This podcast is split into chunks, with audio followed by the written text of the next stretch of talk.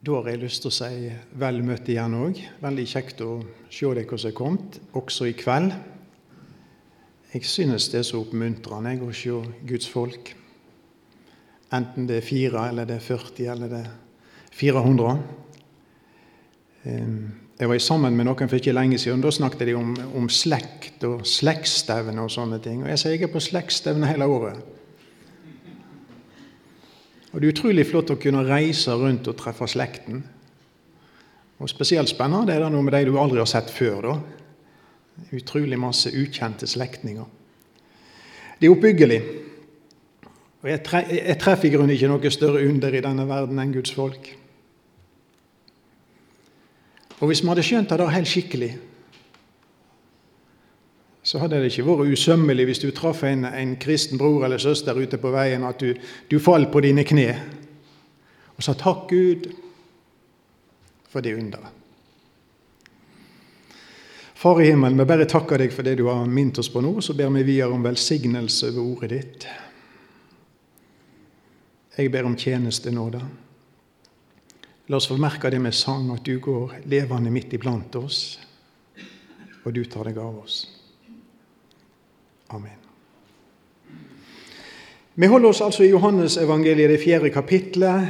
Jesus er i samtale med den samaritanske kvinnen. Det er så interessant. Det er så lærerikt.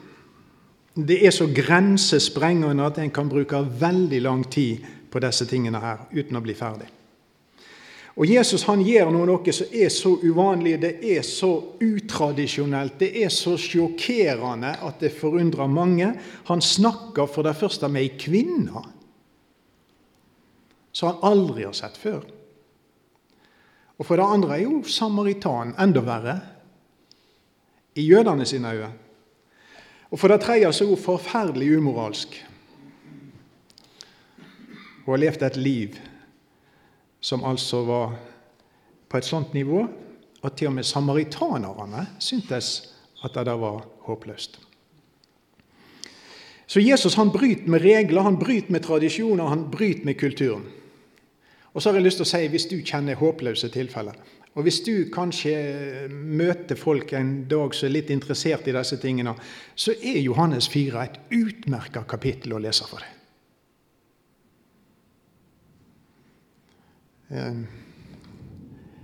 jeg, jeg bor jo Magne, jeg skjønner jo, sitter og jobber på kontoret hans. og der er, Jeg vet ikke hvor mange hundre bøker det er eh, med godt innhold. Og Så så jeg en, en tittel på ei bok i dag mens jeg satt og leste Johannes 4. og Det var midt, midt i blinken, syns jeg. 'Spis deg glad'.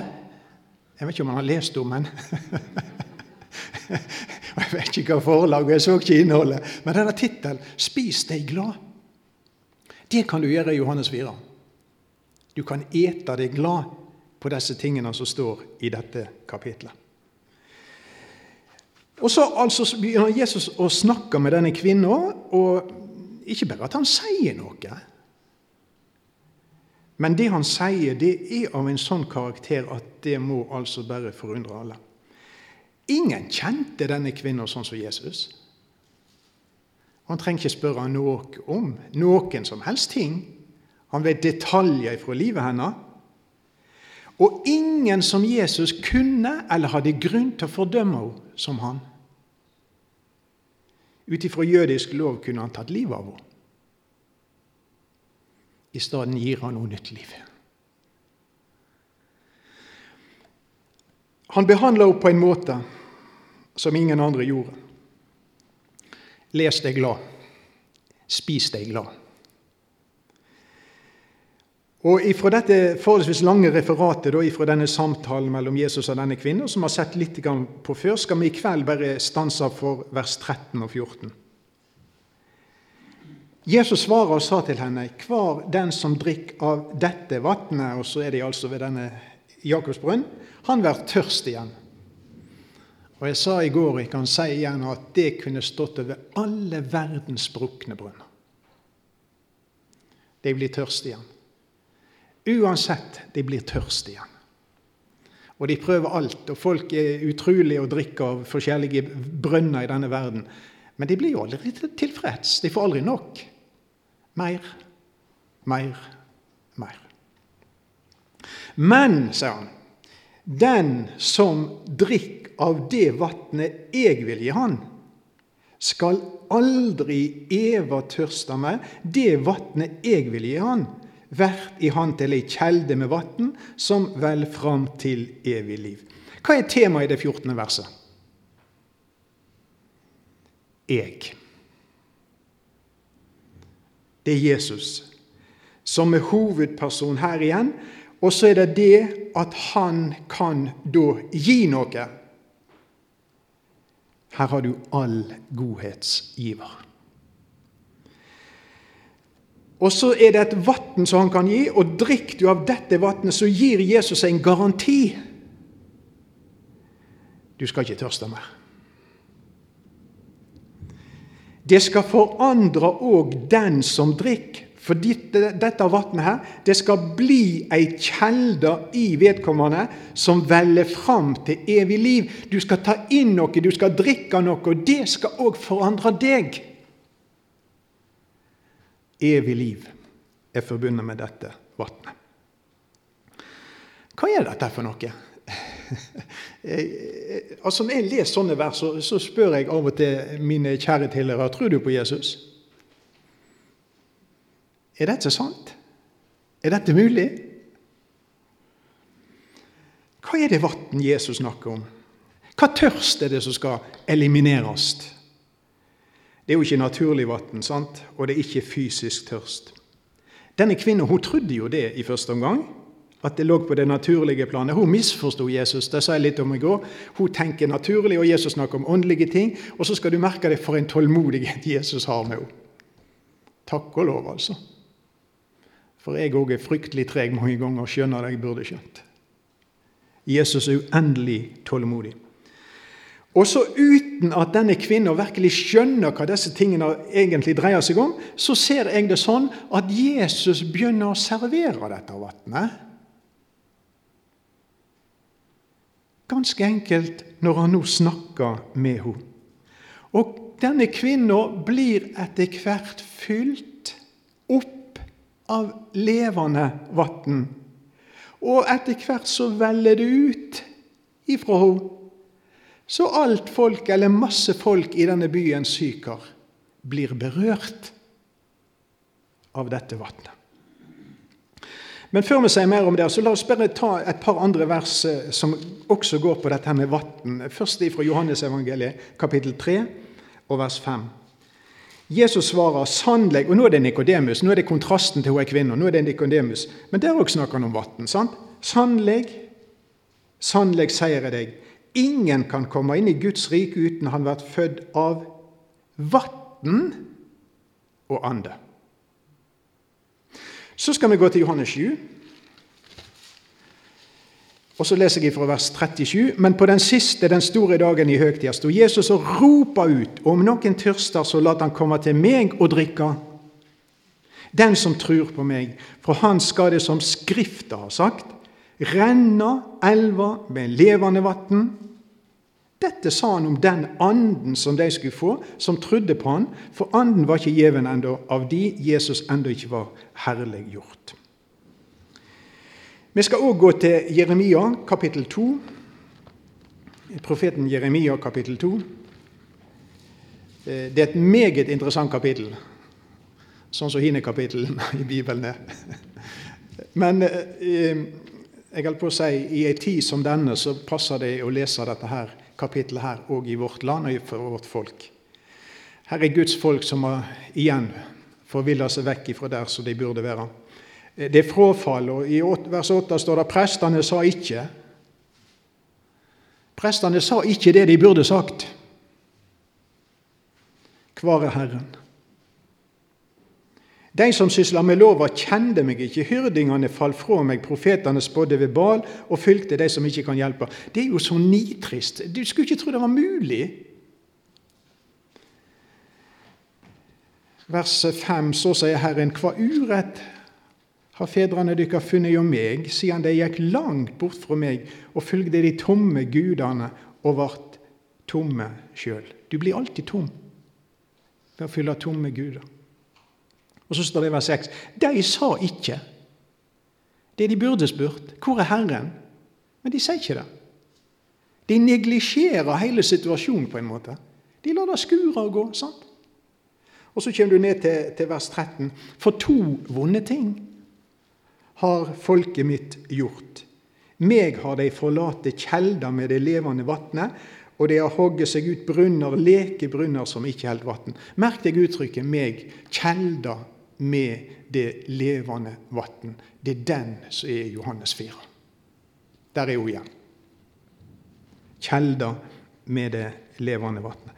Skal vi ta med oss Jesajas 58, eh, vers 11? Eh, Herren skal leie deg hele tida. Han skal mette deg midt i øydemarka. Og beina dine skal han styrke. Du skal verte som en hage, rik på vann, som ei kjelde der vannet vel og aldri tryt. Fantastiske muligheter.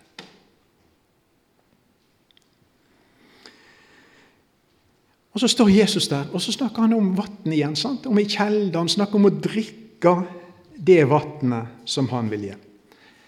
Hva gjør du når du drikker? Da tar vi altså noe som er utenfor oss. Vi tar et element som er utenfor oss, og så tar vi og får det inn. Og så blir det faktisk en del av oss. Det er akkurat det samme prinsippet du har i Johannes 6, men da er det ikke snakk om å drikke, da er det snakk om å ete. Og Da snakker Jesus om at han er, Det er et fantastisk kapittel igjen, Johannes 6, om brød. Det er brød. og, og, Det er to brød i Johannes 6, og der står for mange bibeltimer. Det er det sanne brødet som er kommet ned fra himmelen, og så var det mannen i den gamle pakt. Og så er det paralleller, og så er det kontraster. og så er det Herlig undervisning fra Jesus der igjen. Men han er det sanne brødet som kommer ned fra himmelen. Hva gjør du med et brød? Hva er, vitsen, Hva er vitsen med et brød? Jeg sier du kan svelte helt på et bakeri. Du kan sømja i brød og dø av svolt. Et brød virker kun når du eter. Men da virker det, da går det inn i deg, og så blir det en del av deg. Det er akkurat samme prinsippet når du drikker noe. Det går inn i deg, det blir en del av deg. Og så snakker Jesus om å drikke, og så snakker Jesus om å ete, og så peker han på, egentlig på seg sjøl. Og for meg så er akkurat disse tingene en enormt flott illustrasjon på hva kristendom er. I kontrast til religion og religiøsitet. Og Det er to helt forskjellige ting. Og det må vi òg si til folk i Norge. For Norge vrimler av religiøse folk. De fleste i landet vårt tror på Gud. Det er en Gud, jo. det er Gud. Og de feirer nå både jul og påske, og alt sammen. Og, og, og de fleste seg tror det er en Gud. Men jeg sier det er masse religiøsitet, og religiøsitet frelser ingen. Og en av våre største misjonsmarker i vårt land, det er det religiøse norske folket. Vet du hva religion og religiøsitet Det er det du skal gjøre. Det er et mønster som du bør gå inn i. Det er noen bestemte handlinger som du bør utføre. Det er noen former du skal liksom passe inn i. Det er noen ritualer og det er noen seremonier. Og så er det noen bestemte ord som du kanskje bør si. Og så er det ting du ikke skal gjøre. Og så er det et lovverk som du skal holde. Et bestemt livsmønster og så liksom det i kristendom ut ifra det. Det er du som hele tida alfa og omega. Det er deg det dreier seg om. Det er du. Du skal, du må, du bør, eller du skal ikke. Eller det kan være andre mennesker som skal gjøre noe for deg. Og Det mest typiske eksempelet på jeg kommer på i, full fart, det er egentlig den katolske kirka. Der prester og sånne gjør ting med folk som gjør at de skal være kristelige. Seremonier eller spesielle bønner eller spesielle sånne ytre handlinger. Jesus har en helt annen vei. Vet du hva han snakker om? Et drikk. Og det du tar inn, blir liv. Sant liv. Kristenliv. Sann kristendom er ikke et mønster du skal gå inn i. Sann kristendom har med å drikke levende vann å gjøre. Komme til Han, ta imot noe fra Han, ta inn noe fra Han. Det er der det begynner. og Hvis det ikke begynner der, så begynner det feil. Og så blir alt feil. Vi må litt tilbake til Johannes 7, eh, fra vers 37. Det er løvhyttehelg i Israel. og eh, På den siste, den store dagen i høgtida, så har de hatt høgtid i hele veka, Og dette er vel kanskje den åttende dag. Så står Jesus og roper ut. Se for deg dette i Jerusalem. I nærheten av tempelet, kanskje. Om noen tørster, så lat han komme til meg og drikke. Og jeg, jeg, har jo lest Det får nå arrestere meg, det som har peiling her, mer peiling enn meg. Men jeg har lest at jødene eller i, i denne høytiden, så hadde de en seremoni, eh, en prosesjon, som daglig gikk fra Silodammen, eh, der en prest bar i gullkrukker med vann fra Silodammen. Og så fulgte en hel kortesje av folk da, og, og, eh, prester og greier. Og så gikk de opp til det der store alteret opp med tempelet, og så tømte han da vannet på alteret som et, et offer til Gud. Og Dette hadde med en min, minning å gjøre ut ifra det som israelsfolket hadde opplevd med klippen i ørkenen under ferden, og så minnes de det da. Men på den siste dagen så sies det da gikk de ikke bare opp der, men da gikk de òg sju ganger rundt dette alteret. Og så tømte de da vannet over alteret igjen. Og det var jo til minne om når de gikk rundt Jeriko de tingene. da. Og så kanskje, kanskje sier jeg, Akkurat når denne presten da tømmer dette vannet utover dette alteret, så hører de et rop. Om noen tørster Hva sa han? Han må skynde seg til tempelet? Nei. Han må gå til prester? Nei. Han må oppsøke levittene? Nei. Han kommer til meg og drikker. Midt i all religiøsiteten så står det en mann og sier 'Kom til meg'. Om det tørster, kom til meg og drikk. Og den som tror på meg, fra han skal det som Skrifta har sagt Og det var mange bibelord i Den gamle testamentet som refererte det som skulle skje når Messias kom, og det som skulle skje med mennesket som kom i et rett forhold til Gud. Vi kan ikke gå inn på de tingene da. Men som Skrifta har sagt, så sier jeg, for det er han som er hovedpersonen i Skriften, og det er han som er Ordet, og han sier det som han før har sagt i GT. Det skal renne elver Det skal renne elver med levende vann. Og Dette sa han om den anden som de skulle få som trodde på han, for anden var ikke gitt ennå av de Jesus ennå ikke var herliggjort. Her er kristendom. Her starter sann kristendom. Det starter med å drikke, det starter med å komme, det starter med å ta inn. Og alle som tok imot Han, Johannes 1,12 gav han rett til å bli Guds barn. Det er av og til vi får flotte spørsmål på leir, vet du. Og et av de flotteste spørsmålene det går med Ja, det er forskjellige formuleringer, da, men flere ganger har de spurt hvordan kan jeg ta imot Jesus. Han er jo i himmelen, sant? Og vår leirplass er Bosterøyene. Hvordan kan vi ta imot Jesus? Jesus er nå i himmelen, han. Jeg tror jeg har svart det samme hver gang. Hvis du tar imot det Jesus sier, så tar du imot han. Hvis du tar imot Jesu ord, så tar du imot han. Jeg har gjort det. Jeg har tatt imot det han har sagt. Han har sagt jeg er jeg er håpløs. Han har sagt 'jeg er forderva', 'jeg er en ugudelig knark'. Han har sagt 'jeg er fortapt'. Du kan jo spytte det ut, men du kan også velge det. De har jo et uttrykk De, de slukte hvert ord han sa, ikke det de sier? Ja. Jeg anbefaler deg å sluke hvert ord Jesus sier. For de ordene skal gå i deg, og så skal det bli til liv. Ta imot Han, ta imot ordet hans. Han er ordet. Tar du imot ordet, så tar du egentlig imot Han. Og så blir der nytt liv i oss.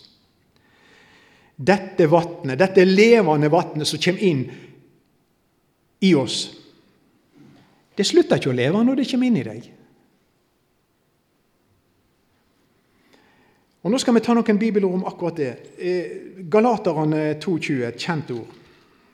Det er vel bedre kjent ord for det, tenker jeg. Men jeg sier av og til til noen hva, er det du skal på? Jeg skal på minnemøte, sier jeg. Og minnemøte Minne Ja, minnesamvær. Er det noen som er død? Nei. Men vi skal minne hverandre om hva som står i Bibelen. Vi skal minne hverandre om hva vi veit.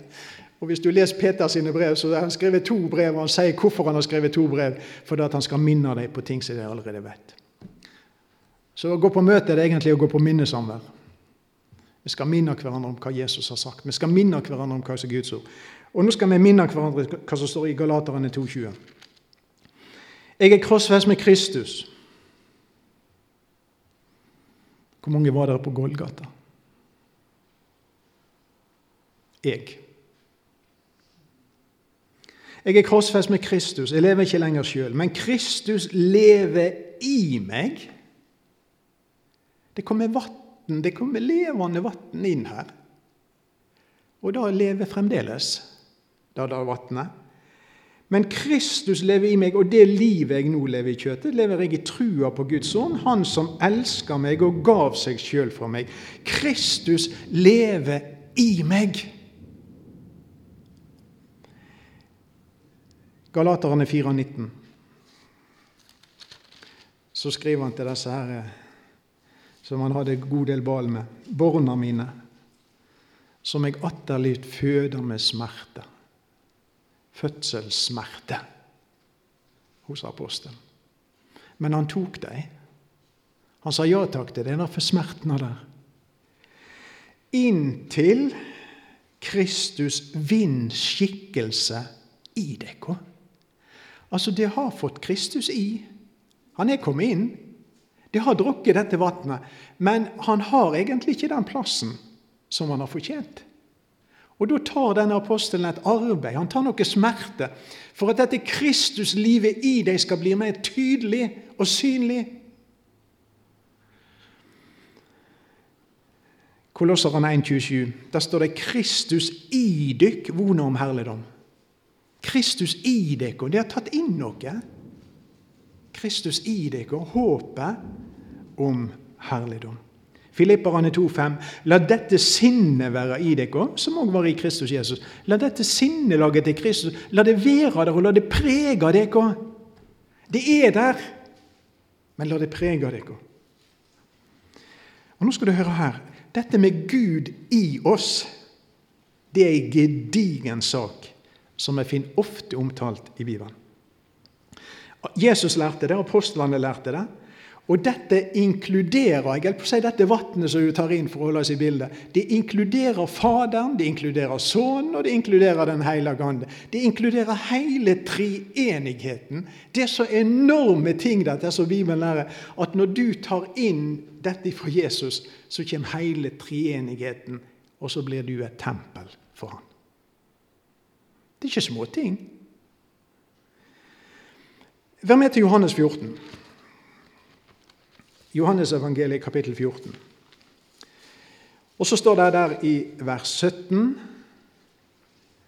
Sanningsanden som verda ikke kan få, for hun ser han ikke og kjenner han ikke, det kjenner han, for han vert værende hjå dykk og skal være i dykk.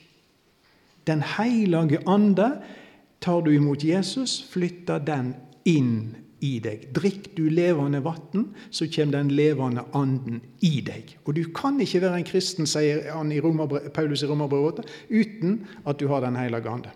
Det er umulig. Hvis vi går til Johannes 14, vers 20 På den skal de kjenne at jeg er i far min, og det i meg, og jeg i dykk. De skal kjenne jeg er i dere. Og Hvis vi leser vers 23 i det samme kapitlet, Jesus svarer og sa til ham, om noen elsker meg, da heldt han ordet mitt. Merk dere det? En ny holdning. Da helt han ordet mitt, og far min skal elske han, og vi skal, vi, altså Faderen og sånn, skal komme til ham og ta bostad hjå han. Ser du miraklet, underet?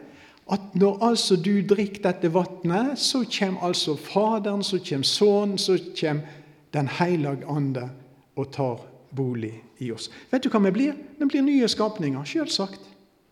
Må dette bli nytt? Er det registrerbart? Ja, altså Hvis du ikke kan registrere når to, tre personer flytter inn i deg, da er det noe galt.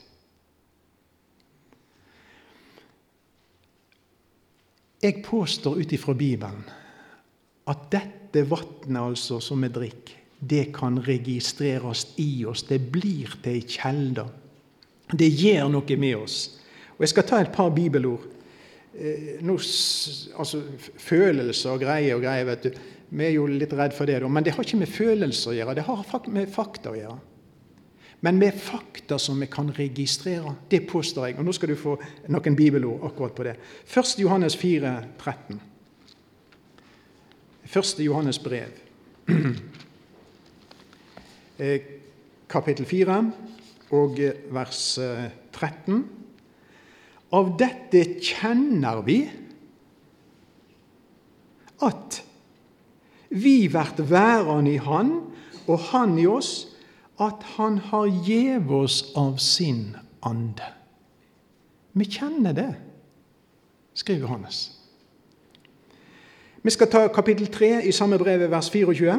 Den som held båa hans, blir værende i Han og Gud i Han, og på dette kjenner vi På dette kjenner vi at Han blir enn i oss av den ande som Han gav oss. Og så tar vi 2. Korinterbrev, kapittel 13 og vers 5. Ransak dykk sjølve om det er i trua.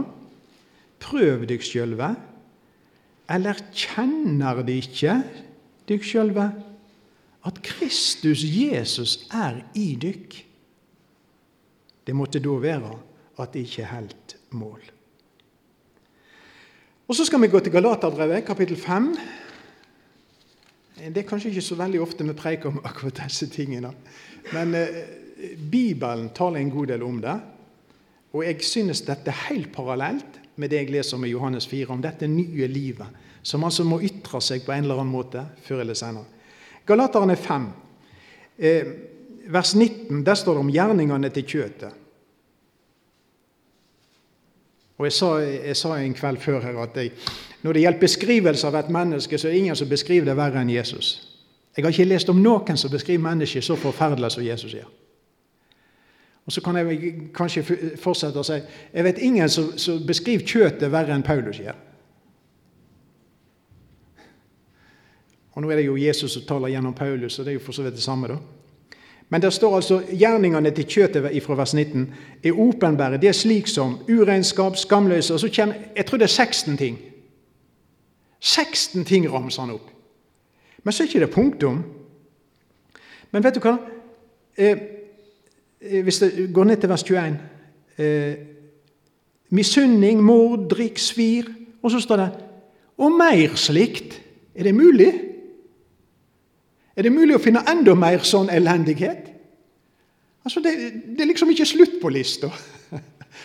Kjøtt det er noe forferdelig greier. Sant? Men så kommer du ned til kapittel eh, vers 22. Men andens frykt, den har så altså flytta inn. Sant? Andens frykt er kjærleik, glede, fred, langmod, mildskap, godleik, truskap, spaklynde, sjøltømming. Mot slike er lova ikke. Men ser du anden produserer?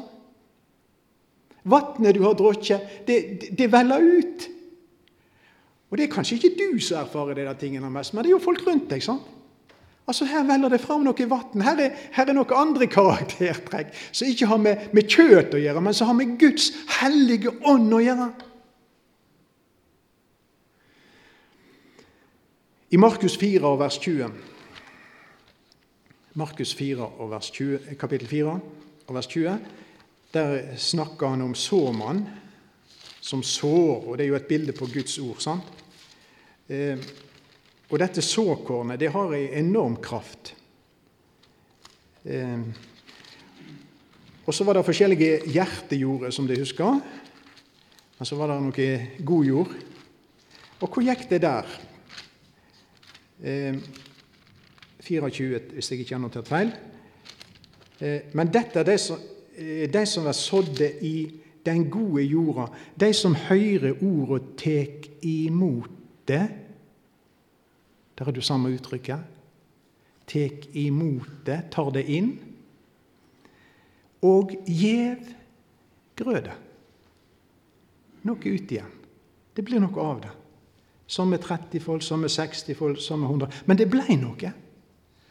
Altså, Du tar ikke dette inn og så blir det ikke noe av det. Men du tar dette inn, og så blir det noe av det. Det kan variere. Men dette livet, dette ordet, Guds ord, er levende og kraftig og skaper noe til vei. Og det gjør noe med deg, så det blir liv ut igjen. Det blir liv igjennom ditt liv.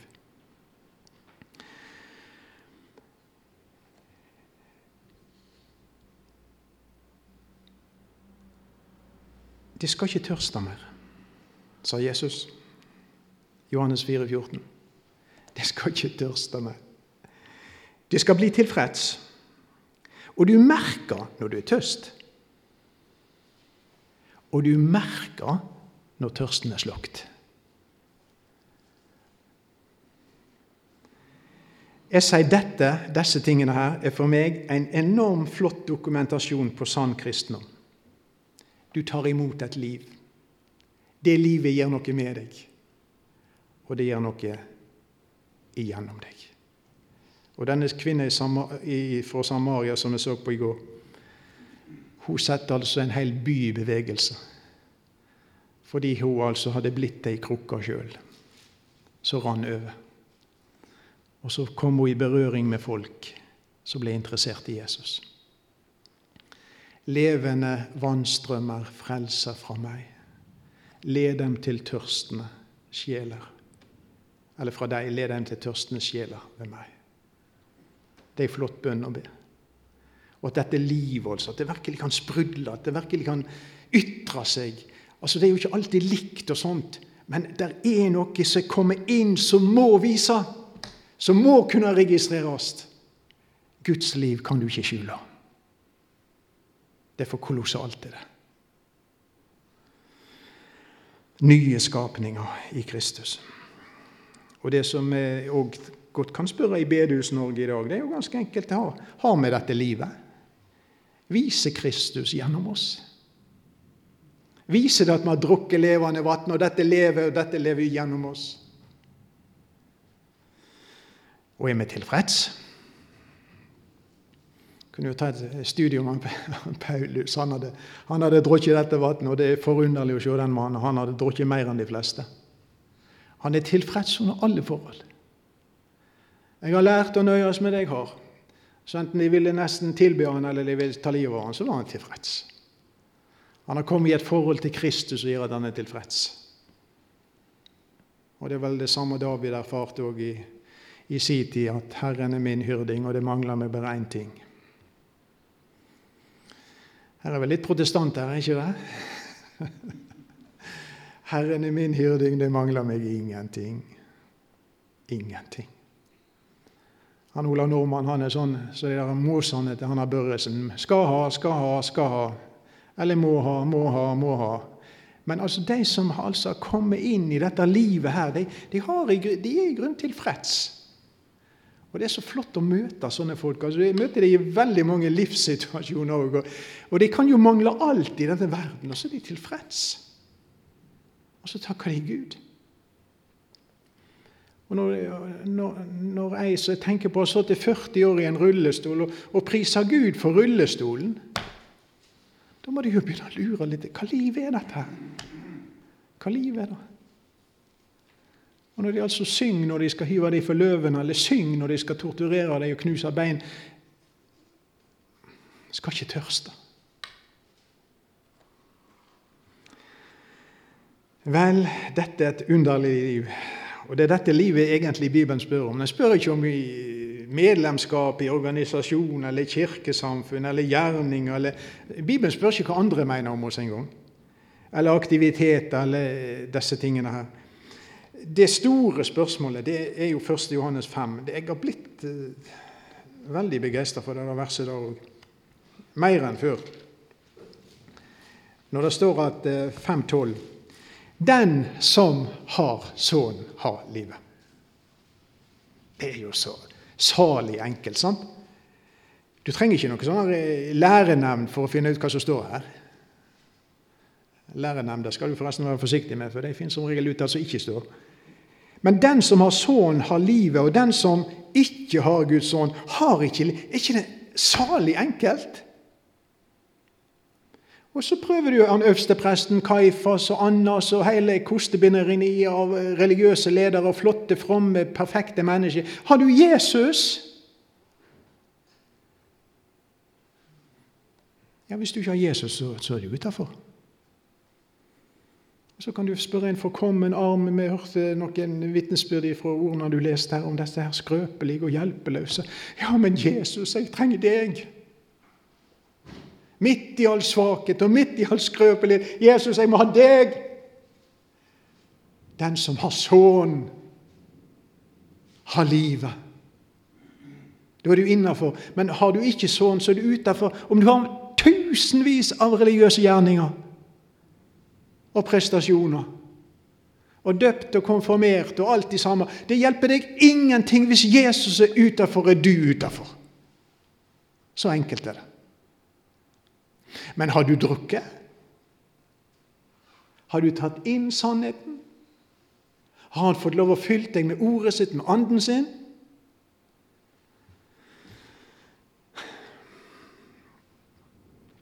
Og hvis vi treffer folk som er utafor, hva skal vi si til dem? Da sier vi 'kom og drikk'. Kom og drikk. Vi har noe, vatten, vi har noe levende vann som har lyst til å være med og gi deg. Vi har lyst til å gjøre sånn som det er kvinner fra Samaria. Kom og se en mann. Ja, kom og se en mann. Og nå har hun skjønt Guds gaver. Det er sikkert Messias. Kom og se. Og Så kommer de pga. hennes ord, og så hører de på han i to dager. Og så tror de ikke pga. hun lenger, men nå tror de pga. han. Og jeg ønsker å være med og få folk til han, så de begynner å tro pga. han og det han har sagt. Og han gjorde ikke et under i, i Samaria. Han gjorde ikke et eneste tegn. Men han talte noen ord, han formidla noe vann, og det gikk inn, og det skapte nye liv.